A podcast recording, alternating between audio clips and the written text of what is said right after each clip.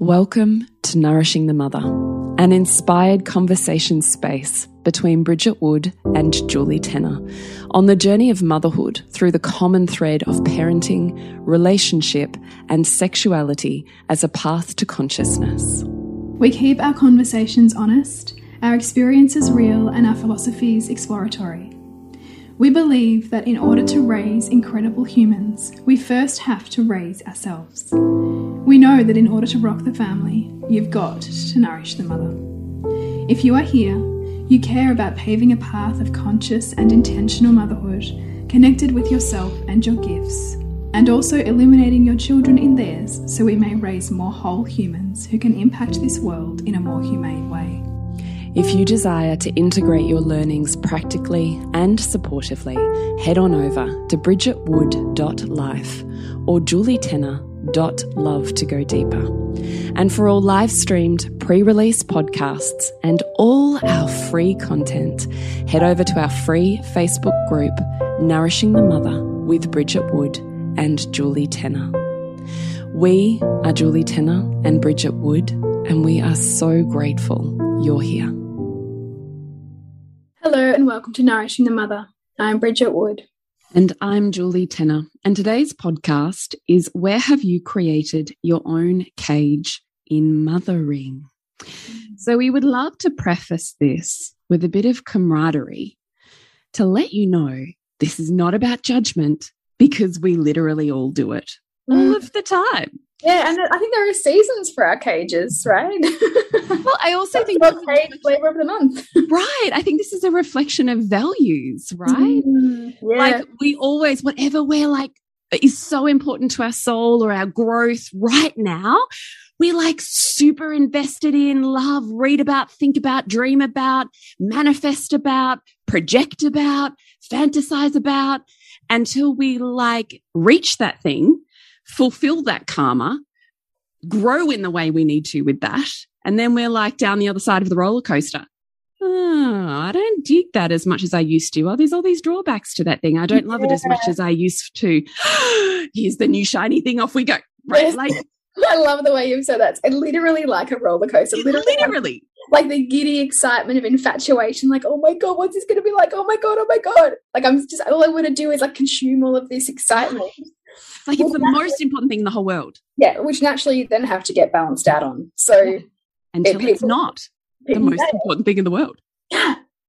But in the meantime, in the phase of infatuation, growth, and learning, which we will also state is extremely important and necessary for your soul and its journey, mm -hmm. you can't have it another way. Like that, there's genius in that is that we will all build a cage for ourselves or and or for our children mm. because of the way in which we are seeing the world based on that thing that we are at this moment in time completely invested in yes and by extension how much our current identity is entangled with whatever this cage's dominant belief system is you know engaged with, right? Totes. There'll be a belief system that's driving the cage, and it requires deep, like, humility yeah. uh, to actually go, ah, I'm believing this and making that thing wrong in order to to prop up the current identity that I hold. And if I was to actually kind of like see that, oh my god, you know, it's like that Rumi quote, like, why do you stay in the cage when the door is wide open. Mm. The door is wide open when you allow yourself and your mind to expand enough to be the bridge between you and that other potential reality that would allow you to no longer be inside that cage. I just love how you explained that. Yes knowing because you're human, you just create a different cage. Yeah, right. but how profound to have the awareness of even when you know, like, that you're there. You go, oh, okay, I'm here. I'm, here I am. Yeah. I actually don't think there could be a deeper spiritual self growth process mm. than recognizing essentially what we're asking you to do here is disentangle your ego from your identity. Yeah and to humble yourself enough to love more. Mm. Like, could there be a deeper spiritual practice? I don't think. I so. think that I think that's it. I mean, essentially, what we're talking about is like, how much can you own the reflections of the world that are going to be coming at you, especially when you're like hard line on your belief system to prop up the you know legitimacy of your cage to actually like be with that intensity of those mirrors and those judgments that you perceive and you know the the pair of opposite like the opposite that you're going to be attracting as a way to break your infatuation with the cage you're in. That can be brutal mm-hmm. but it is the pathway to your growth. Totally. Totally. So maybe we start with where have you created a cage for yourself in your mothering journey? Mm. I think one that I've been coming up against a little bit lately has been screens. Mm. And it's been one, I mean, I, I, there's a couple, and I, I, think another one is like listening to feelings and that pressure that I put on myself to be available for the expression and feeling and to not shut down my children's emotions and to, you know, like expand my capacity to meet them and all of that stuff. Um, and not often really see the drawback of that because it's a high value for me. So mm. I'm not going into, it. well, the drawback of you doing that is that you didn't get to clean your house. Or the drawback of you doing that is you didn't get to finish that thing you wanted to do for your work. Or the drawback to that for you was that you didn't get to focus on building your finances because you're listening to emotions. None of that is really happening because it's still a high enough value. And I perceive that the drawback of that isn't as great as the drawback to not meeting my children that way because my void is not being seen and heard right? Mm. the void drives the value.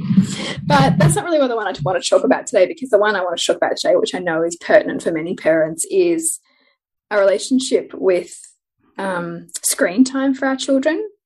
Specifically i think um, shows that we might think are trashy as opposed to shows that we might think are somewhat educational. Mm but particularly like iPad use and gaming. Mm.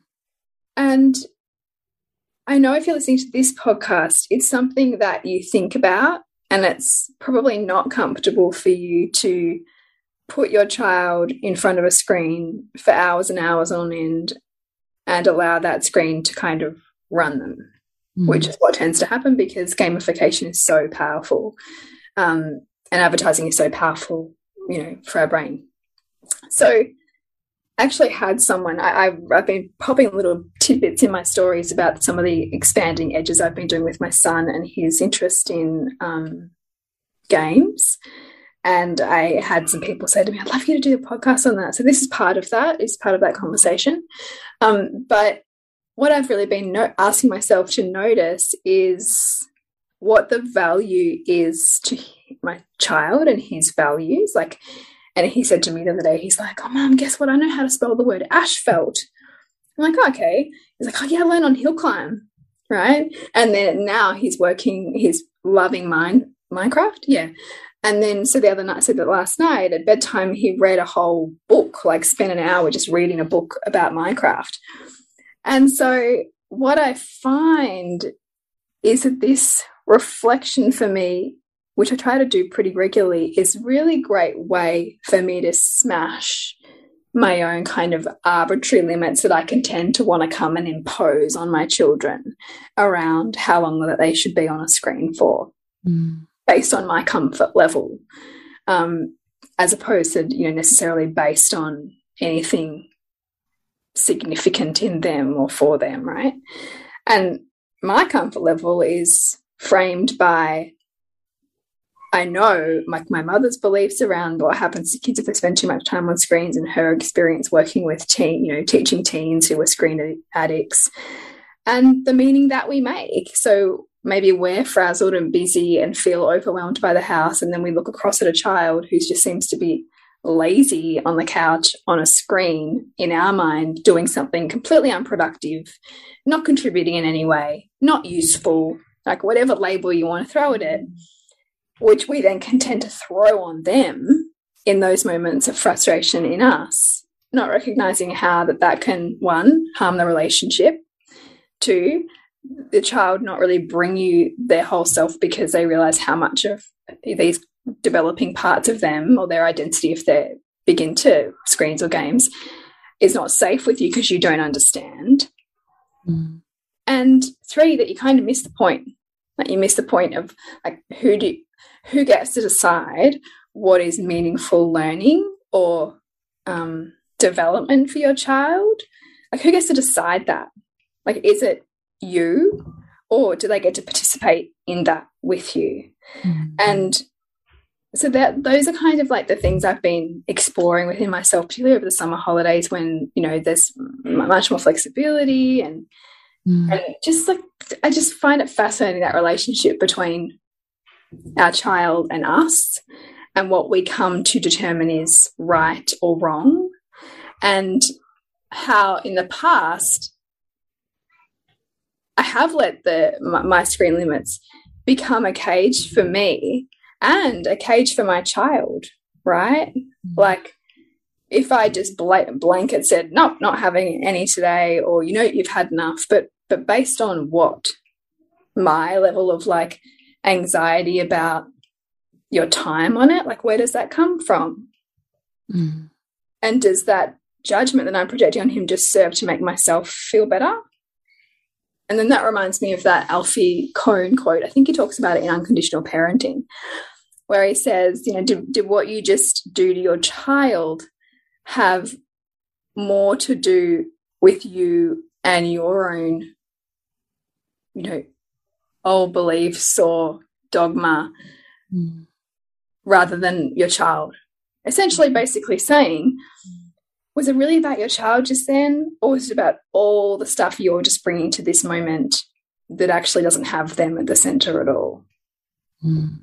And like, I mean, we do this forever and a day. We're, we're not going to not project on our child. But if we want to center a relationship with them and if we deeply desire for their personality to develop in alignment with their soul and not kind of fragment and become this shell based on performing for approval from their authorities, then we have to look at this stuff. Hmm. Because otherwise, deeply uncomfortable, though. yes, it? right. Like yes. even as you're saying it, I'm like, yeah, I could totally do better. I could totally do that more. Yep, that moment there, that moment there. You know, which I'm sure is what all our listeners. Yes. And, and then I know, yeah. And then I notice this like holding or tension in my solar plexus, just in the top part of my gut, and I'm like, oh, what is that? but that's like anxiety, isn't it? Yeah. The anxiety of letting that go, the anxiety of not rushing in with action that makes you feel better in the moment, but you say it's about your child's well being, but you're the one in action feeling better because you're in action, mm. which I totally get. Mm. Rather than the thought of replaying those moments in my mind and not moving into action, mm. but instead sitting in what if everything I've held to be true is wrong? Yeah. And what if I didn't interrupt this right now? Mm. And that tension is there. And then I have to be with that, right? Like that yeah. feels really hard. Instead of resolving that, because resolving the tension is get off, you've had enough time on there. Like, you know, yeah. that's resolving the tension for you, right? Yeah. Yeah. Because we, we, hate to be in tension. It's the same thing in relationship and in your work with Queen School, right? Like for couples to develop their deeper relationships, they have to build their capacity to be in more tension. To yeah, totally. Yeah. But for us to allow more of our children to be who they are, we also have to be with our own tension in that process. Yeah. Which is excruciating sometimes. So hard, isn't and quite frankly, sometimes we simply just can't, right? Like the level of activation is so big that something has to, like, you know, we something has to resolve in us. Yeah. Yeah. It's actually like totally huge. Mm. So I really loved that you were saying, you were talking about what is your anxiety here? Mm -hmm. And what I loved about that was just take a pause for a moment. What are you making it mean? So I just love that you were saying that. Like, where has this come from? Why do I believe this? Where has this rule or belief or thought process or need come from? Mm. Like, is it true or is it arbitrary? because in this moment you're in a reaction. So I loved that you were saying just take a moment and think about what is the anxiety that you're making it mean? What, is, what does this mean? Mm. So if I think about it, I'm like, well, he'll be lazy for the rest of his life. Yeah. He'll never achieve anything. He'll never get good grades in school. He'll never go to uni. He'll never get a good job because he's not ready to work hard enough. Like it's amazing how our brain can go. And that imperative nature of it, it's just like, it's so black and white. Like that you know it can't be true, but like that's the way that our brain makes meaning sometimes, which is when you know why you're so, you're, and that's where you know, oh my God, I'm so polarized on this. Yeah. And I also would suggest that whatever it is, whether it's screens, whether your cage is something else, you must go back and look at your own relationship with that thing growing up yeah. and your parents' perception of your relationship with that thing, if you can recall the memories of it. And so, as part of the process of my son exploring Minecraft, particularly, I went back and looked at like um, these nostalgia um, YouTube channels of videos I used to play, like games I used to play when I was like 10 like Donkey Kong and well it was this one called Theme Park was one of them and Sim City. So like earlier versions basically of what Minecraft is about which is about building worlds. And I was like looking back at these games going oh my god like the skills I was building in these I just thought I was having fun. But like I was learning about like managing financials. I was learning about business profits and losses. I was learning about um, what cities need to function, like all learning about geography, like all of these things that I hadn't recognized the value in at the time, but now as a parent, like you know, with a with a value on a child having a broad learning experience, I can see, wow, like actually the hours and hours and hours my brother and you, my brother and I used to play on these were actually like really worthwhile. And I just I was I was able to almost kind of meet myself again without the filter of parents or you know or anyone and go oh I can see that that was meaningful for you and why you might have been taken by that thing then at that time in your life and I can see also how I've used it even aspects of it now. And so that helps me build more trust in my child that's that that this interest now is really meaningful for him. Mm. Yeah. And then I also look at like the other things, like the social nature of it, for example, and the building skill sets in in language communication and in teamwork. You know, because I'll play online sometimes with like other people, mm. and I think, yeah, like, am I going to be so resistant to the form that I find this in that I'm going to block this learning opportunity, or can I accept that I don't want to be a luddite and not move with the world that my children are growing up in and try to like kind of close it off? Or do i learn how to be with it first in my own body and then learn how to be with it in practice with my children by you know having parameters which we've always had which is the screens don't go in bedrooms and that they're always visible to us and that we know what they're doing and that we participate in it and like are across it is essentially kind of the baseline can I trust that if we just have those parameters and that there's an approval process for whatever new game or interest there is, that that will be okay and that, that we'll have a level of trust and safety in this. And so that was helpful. The process, what I'm in, in a roundabout way, what I'm trying to say is the process of going back and looking at my own experience helped me bring more wholeness and less kind of triggered feelings to where my son's at with it because mm, it's literally like putting yourself in his shoes, mm. like at that mm. age, you at that age, rather than you looking at it with a different lens. Yeah. Yeah. yeah. It's, always really, it's always really humbling, isn't it? To go like, what if I flipped it and I was in their shoes right now? Like, how would I want to be related to? Yeah, super helpful. Mm. Super helpful. It's it sort of reminds me of my journey with screens too. Um, I sort of echo everything. I'm not going to go into it, but I sort of echo everything that you said and that's certainly where I find myself now as well is actually really enjoying watching my kids on screens mm. because I can see all of those things. And particularly here in Melbourne, where we've had two years of significant lockdowns, mm.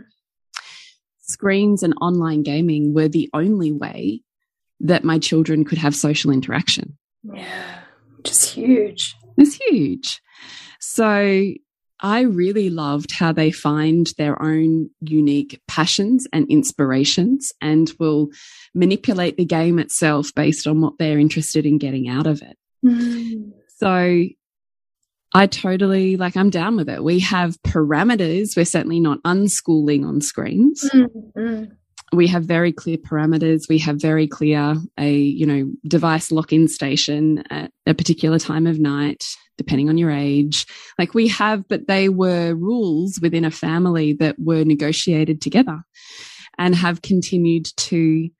It's not a hard set in stone because what worked when he was, you know, 10 doesn't work when he's nearly 16. Mm. So it's not like this hard and fast rule. It's more like this boundary that we get to continuously negotiate and move with. And I really love that as an opportunity but can also feel into the edges where I'm like, yeah, I can feel those edges where I've projected, where I've made it mean something because I've been out of touch. I would say the moments that I'm doing that, I'm actually out of touch with my own sense of alignment. Mm. Because if I'm really authentically aligned in who I am as I'm presenting in that moment, I see the love and the grace and can communicate more effortlessly. So when I start getting narky, when I start leaping into the meaning of he's going to live a hopeless life mm. and all of those things, I'm, if I wind back, I'm ungrounded in those moments. I'm holding stuff in my body. I'm not really present. And so essentially, the family dynamic is such that we will use each other to come back to regulation. And you know, maybe for some of you that will feel like triggering language. So I apologize if that feels like it. Press pause, come back. Mm. But family dynamics are such that when someone's out of whack, someone will press exactly the right button to produce a, you know, volcanic eruption so that the whole situation resets back to homeostasis again. Mm. And all of the organisms within that environment are doing that. We're always moving with each other to create a, a type of uh, wholeness. So I can see that it's the perfect setup when I'm not whole. Mm. Yeah. That you, when you're unable to access those parts of yourself consciously or be in like that beautiful balance that yeah then it's easier they're going to unconsciously seek the things that are going to push you there or the or the other people in the dynamic will yeah. I had a visual of of like you know those old school like arcade games of like the um the what's the one with the ball that goes and it pings all around? Uh, oh yeah, I was going to say ping pong, but is it? I'm, I'm going to say ping pong too. It's not ping pong. Like the ball when you press the two yeah. sides. Oh, I know. Wait, are you sure it's not ping pong? This is a pointless no. conversation. I know. Ping pong's the one that goes over the net. Oh. The one in the you know the arcade game, and you press the button, and the ball it's like a marble. Yeah, and whatever that game is. Whatever the game is, I'm thinking about this like it's almost like bits and each person in the family kind of takes up the position and it's always morphing and changing of those little barriers that try to like stop the ball or move the ball. And it's like everyone's just like bouncing off each other and this like like kind of like sometimes what feels like this i don't know like overwhelming mishmash of emotions right? Yeah. In a family dynamic it's going to be functional right? Yeah totally Totally. When you proposed this topic the other day, I was just spending a little bit of time ruminating on it. And I was trying to think, okay, what are the biggest cages that I can see that I've created for myself? You know, screens was certainly one of them. Meeting needs that you suggested, I was like, yeah, that was totally me too. And then the other one I had was wanting to support them in everything. So having a much reduced tolerance for their struggle. Mm. So I have always had the perception, no, I shouldn't say always because that's not true. Um, beware imperative language of always and never. But certainly since being more invested in Demartini work, I'm certainly more aware of the law of conservation and the need for challenge in Balance. order to, yeah, in order to, for the greatest growth. That too much one way or the other is going to result in less growth. So having that lens, I can really see the value in struggle, which I certainly think for my first two children, I really, I was probably more pre aware parenting. Yeah, somewhere in the muddle there. But I can really see that that desire to support them in everything to make sure that if there was some sort of failure or, you know, in inverted commas, failure or challenge or struggle or disappointment or um, inability to emotionally cope with a moment, that I would blame myself for that. Mm. You didn't parent well enough. You didn't prepare them well enough. You weren't good enough in how you showed up for that. Like there was always that self flagellation that I think can often come with conscious parenting. You didn't do a good enough job. Yeah. Yeah, big time. Yeah. So I can see that so much of, and will, and continues to be, because also I, like you, I have that huge void on not being met. Mm. So I can still see that it continues to be the work of me teasing that apart because or else that becomes a cage becomes a cage for me because I'm stuck in cycles of self flagellation and um, self worth deprivation. Pushes your self worth really low and you right. can't serve very well from there. Right. Yeah. This episode is brought to you by Queen School. Five weeks to be loved better by becoming a better lover beginning on Valentine's Day. Let's school you on all things men, women, and intimacy over five weeks in a live container with me, where we will go through mask, fem energy, how to communicate, upskilling, how you bring your embodiment to power packet, how you become a magnetic attraction force for the type of relationship you are seeking, understanding what both you and your partner need, and being able to soften and open up in ways you never thought were possible. Find out more at julietenner.love. And at the same time, has me, like you were saying with the emotionality, continuously using my time and energy to meet needs that should I just remove myself from that situation? Mm. Do I need to hold back further? Do I need to just take a pause and wait and see what happens before I rush in? Mm. Whereas I'm rushing in because I'm like, oh, well, it's going to get to this and this and this. And then I'm dealing with the escalation five steps down the track. If I just jumped in now, I don't have to deal with the five steps down the track escalation. Yeah. Yeah. So I can still see myself doing that at different times, particularly with my third. So my th third has additional needs. And, um, I'll tell you at her birthday party, we had a horse riding birthday party, which I was already nervous about because I'm like, she really wanted to do it. And I'm thinking, how the fuck you can't get on a bike. Like, how are you getting on a horse? But I'm thinking, it's all right. Nick and I are both going to be there. We'll just help her on. You know, they're these ponies. They'll be fine. It'll be fine. But of course, it's COVID restrictions. So we get there and parents are not allowed anywhere near them. and I was instantly like, how the fuck is this going to go? You know, like it hit all. I was already like anxiety. Nick's like, relax. She'll be okay. this is where I fully value an opposite parenting yeah you know view bit more chilled bit more she'll be right yeah she'll be right she'll be right mate but also i think having that sporting background he just also has respect for challenge yeah yeah that you know competition and challenge has always produced in my history huge amounts of anxiety for me so i'm still replaying that with my kids right mm -hmm. anyway so we sort out the first bids she unfortunately got separated from her group of friends. And so she's brushing and grooming this horse, not really knowing what she's doing because she's kind of separated where her pony is. And then the woman who's in charge of the party walks the other girls back to get their helmets and whatever and left Lola in the fucking oh, no. No. And I'm watching her and I'm like, I'm like on the edge of the parenting waiting area, like, oh, you know, like a jumping bean. it's okay. It's okay. You know, I'm like thinking, do I just jump the rail? you know, yeah, like, yeah. I'll save you. At the pony club. and um, she just stands there and I watch her because when she gets overwhelmed, instead of moving into action, she goes into total freeze. And then she just becomes a puddle of tears, mm. which is what happened. So she can hear me She's looking at me. I'm giving her the steps of what to do next. And she can't do any of them because she's in this brain flood. Gone. Yeah. Yeah. And so she bursts into tears. And so now I've become a panicky mum. And I literally, I'm out of my body.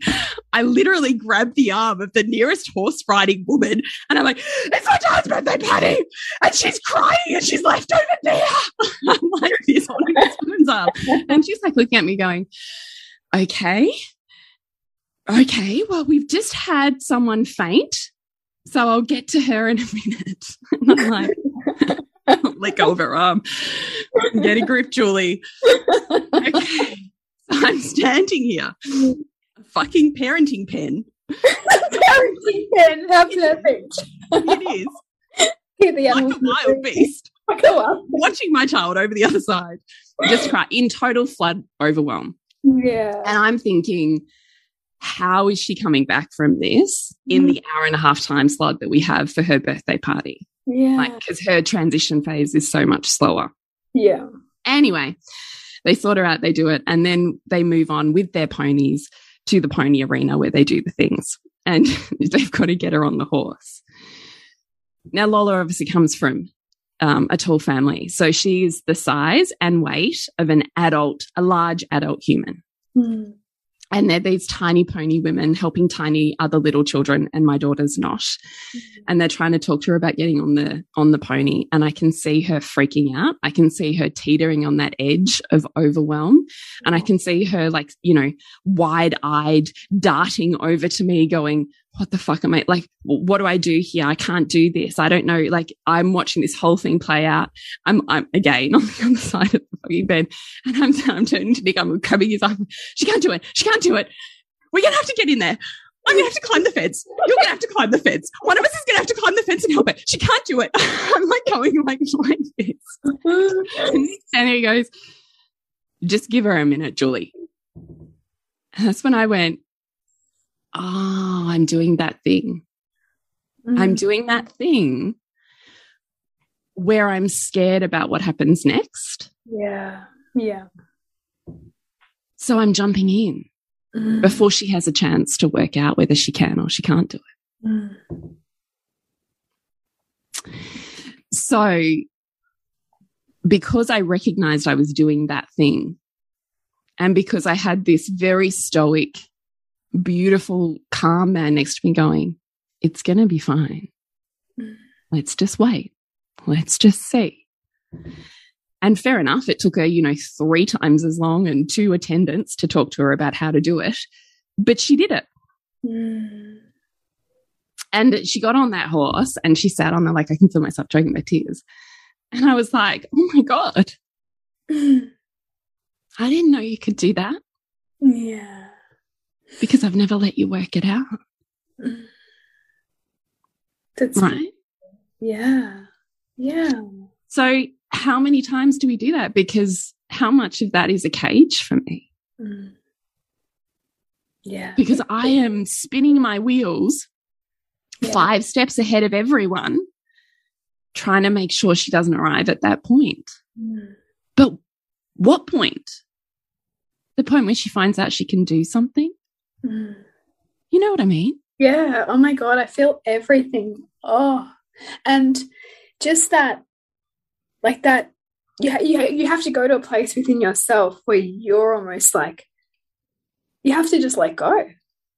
Mm. Like you had to just let go in that moment and trust that wh whether she gets on or she gets off, she's going to be okay. But when you've never had evidence or don't have a lot of evidence of that as a potential reality, then it's absolutely terrifying. yeah, it was genuinely, I was worried. And so, how did so on that though? yeah. Because it's an important, like, this is important learning here. When she had the chance, when you could let go, Mm. Because you couldn't be there, there was no way you could help her. Well, thank fuck there was a fence because or else I would be there. Yeah. And you took a literal fence, to stop you. right? And you think you're helping her, Yeah. but yet ultimately there were benefits to her in that moment of it not being you. Because in, in you not being you, she found herself. Like she found her capacity.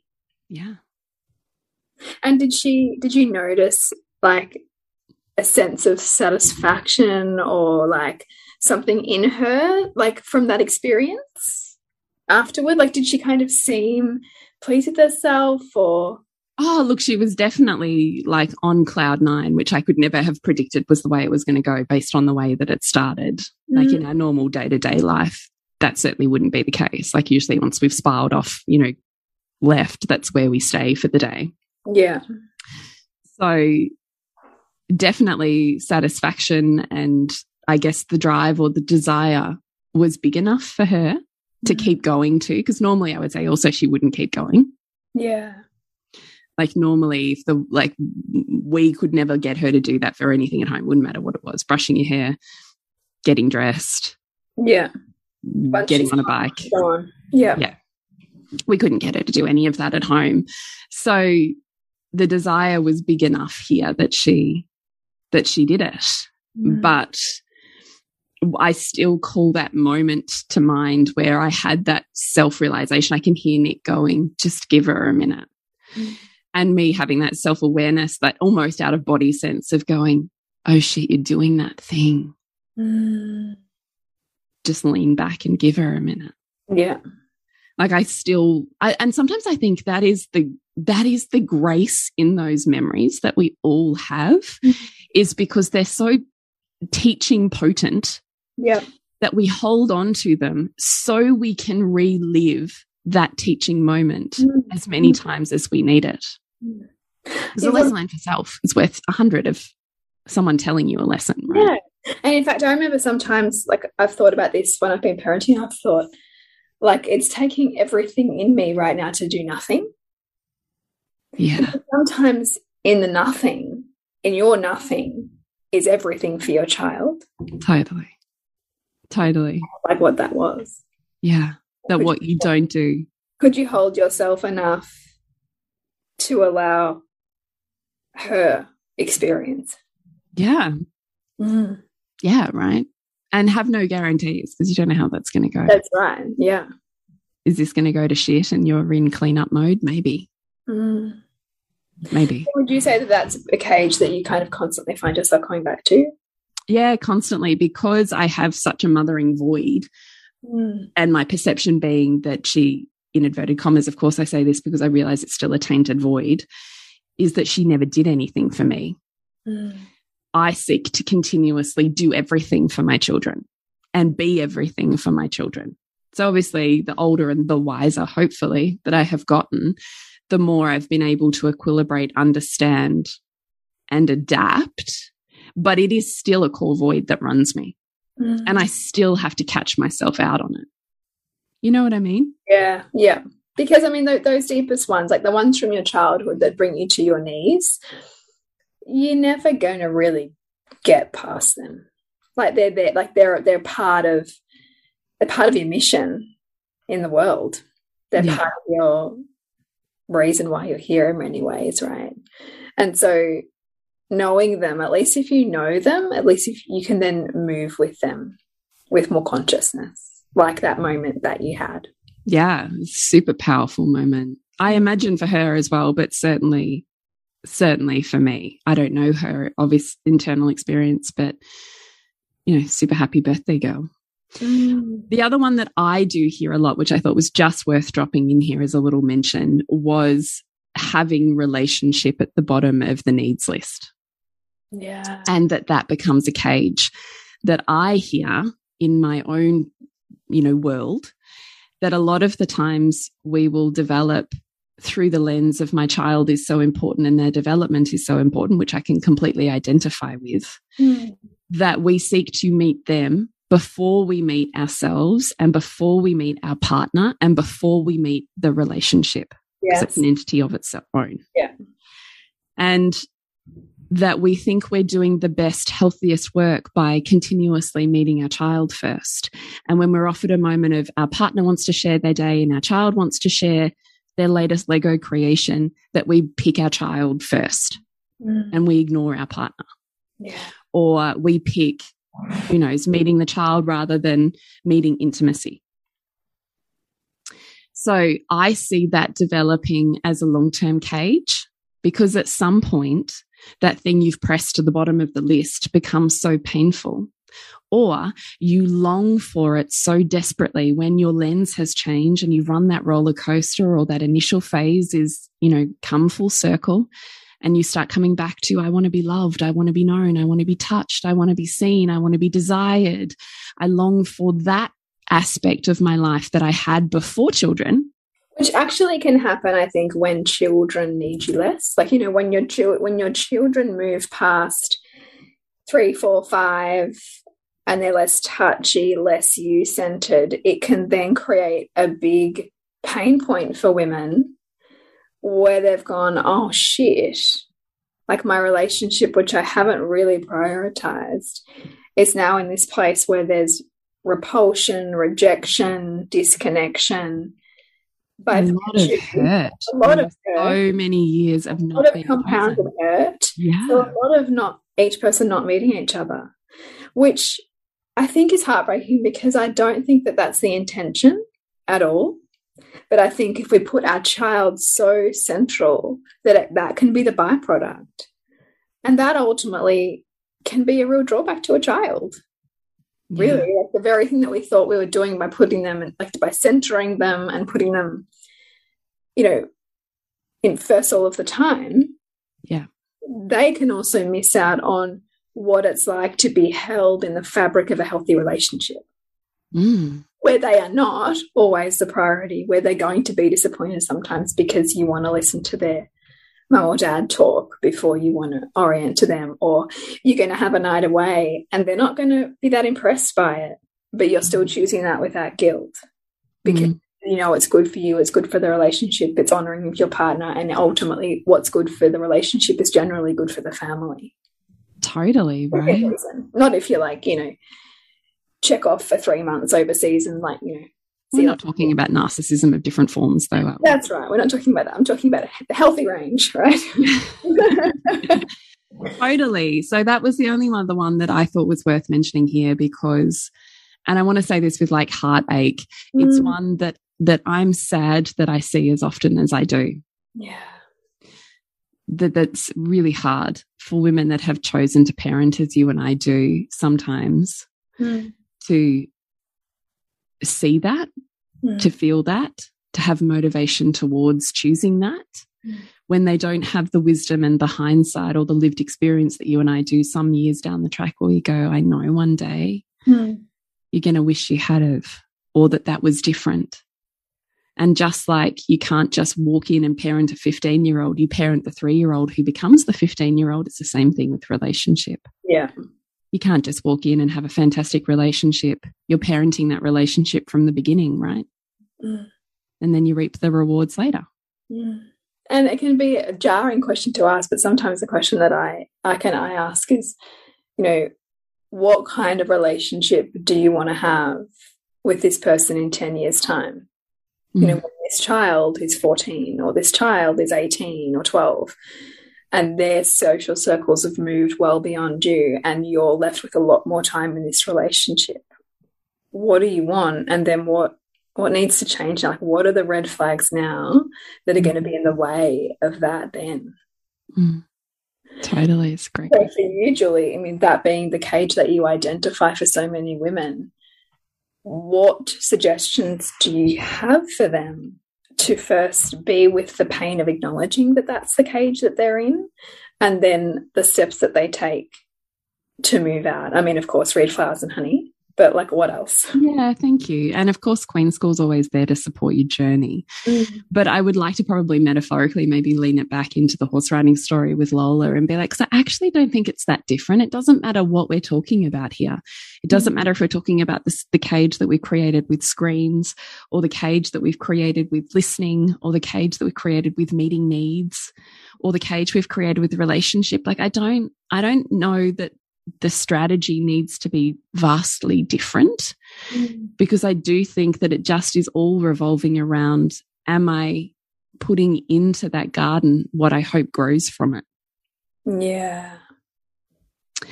And, you know, just like that powerful moment I had, you know, with Lola, um, sometimes we just need someone who, like you just did with that beautiful question, Bridgie, was, is this what you want? Mm. Is your investment right now where you want to be? Can you just take a breath, see you got some stuff going on here that's mm. yours? Mm. Lean back for a moment and really see them. Yeah. Not you and your wounds Mm. That's that was the pause part where you looked at them. The lean back is when you really try to see them. When you practice turning off that movie and you find a way to fall in love with them in this moment. Yeah. Whether it's your child on Minecraft or it's your child trying to get on a horse. Mm. Or it's your partner who's standing there who chose you and you chose them. And you got to remember why. Mm.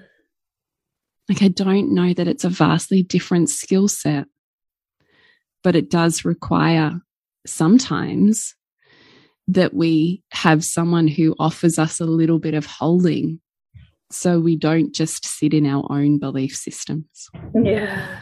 God, that's so huge, isn't it? That's that's medicine.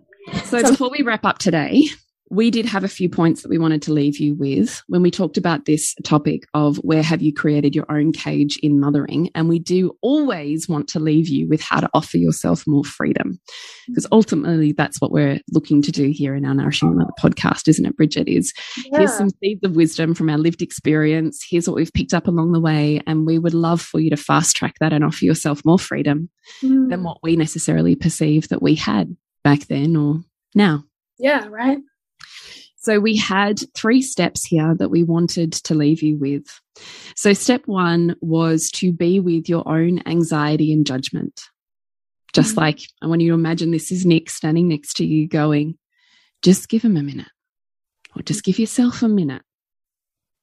And in that minute, here's the questions you need to ask yourself. What am I making this mean? Mm. And when you're clear on that, what is the fear and what do we know about fear, Bridget? Oh, fear. Yeah, fear's already happened. So fear, so fear, you're fearing something that you've already experienced in the past that was painful and you don't want to experience in some form again. So it's part of going back to the past and exploring it, a little bit like what I was talking about with the video game and like, you know, what, the meaning that we've made and feeling back into that experience and finding the wisdom that you didn't find in it the first go. Mm and then exploring you know, what would be the benefits of, of that happening, right? Totally. Because if you can see that that worst fear has benefits, you're no longer running from it and mm -hmm. it's no longer running you. Yeah. Right? Step number two consciously look for where the opposite to the belief you're holding is true and look for people who are doing that opposite and have alignment present. Mm. So if you're looking at the decision you're making, let's say with screens based on a philosophy around it's best for your child, look for people who are doing the opposite and also perceive that it's best for their child's development. Yeah. Yeah, like spend some time taking up space in that opposite belief, like, you know, walk around yeah. in it for a while. Yeah. In what ways could I also believe this? Yeah. Even just sit in the space of those people. So be that physical, you're in certain groups that you access or certain pages, Instagram pages, mm. groups, whatever. Hang out in the conversation and just feel the tension in your body and practice regulating yourself in it. Mm. Giving yeah. yourself space. Like, like ninja work, like, but it's like so transformative. So transformative. And our last step was how can you begin to create more freedom for yourself right now. So when you know those things and now you're like, okay, I'm ready to stretch some breathing room into my life right now rather than staying in this cage. Remember like your beautiful Rumi quote, the doors are open, baby. Yeah. how are you going to take, yeah. How are you going to take steps towards those open doors? Mm -hmm. How mm-hmm. can you become more of the open doors? So what are some small ways? And we would never recommend that you jump off the cliff. Small ways, very small mm. daily actions that are manageable and achievable for you and your nervous system and gentle for your nervous system. We do not have to shock it into, you know, the high heavens. Yes. That you can do every day right now to begin creating more freedom for yourself in your everyday. And one day that'll just be a whole lot easier. Mm. Beautiful. And Julie, what's coming up? I have Queen School. This is your last chance to enroll in this round of Queen School. We begin on Valentine's Day.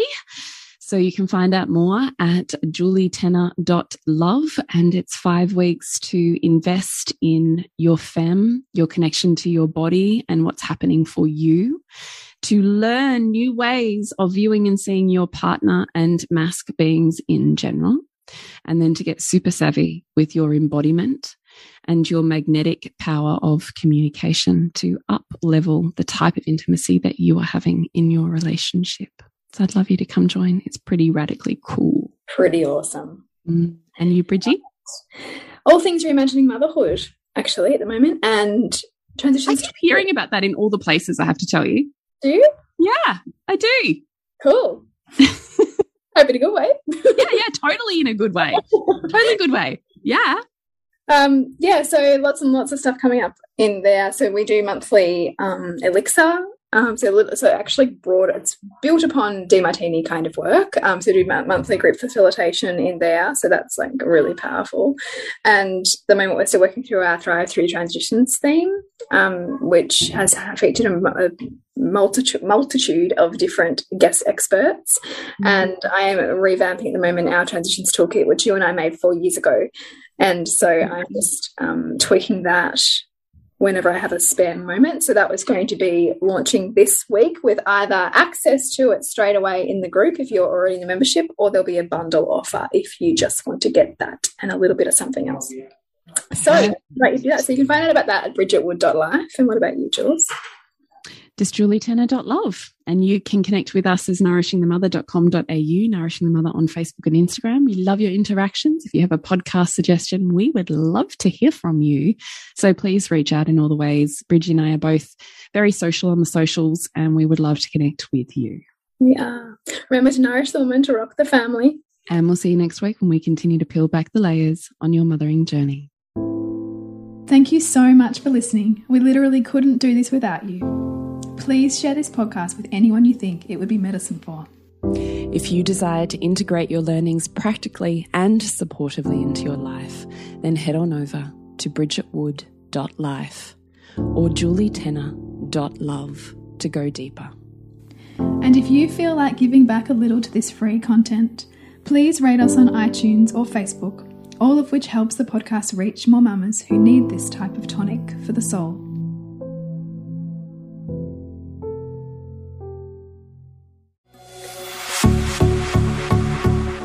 This has been a production of TheWellnessCouch.com. Check us out on Facebook and join in the conversation on Facebook.com forward slash The Wellness Couch. Subscribe to each show on iTunes and check us out on Twitter. The Wellness Couch, streaming wellness into your lives. Whilst the Wellness Couch presenter endeavor to provide accurate and helpful information to their listeners, these podcasts cannot take into account individual circumstances and are not intended to be a substitute for health and medical advice from a qualified health professional. You should always seek the advice of a qualified health professional before acting on any of the information provided by any of the Wellness Couch podcasts.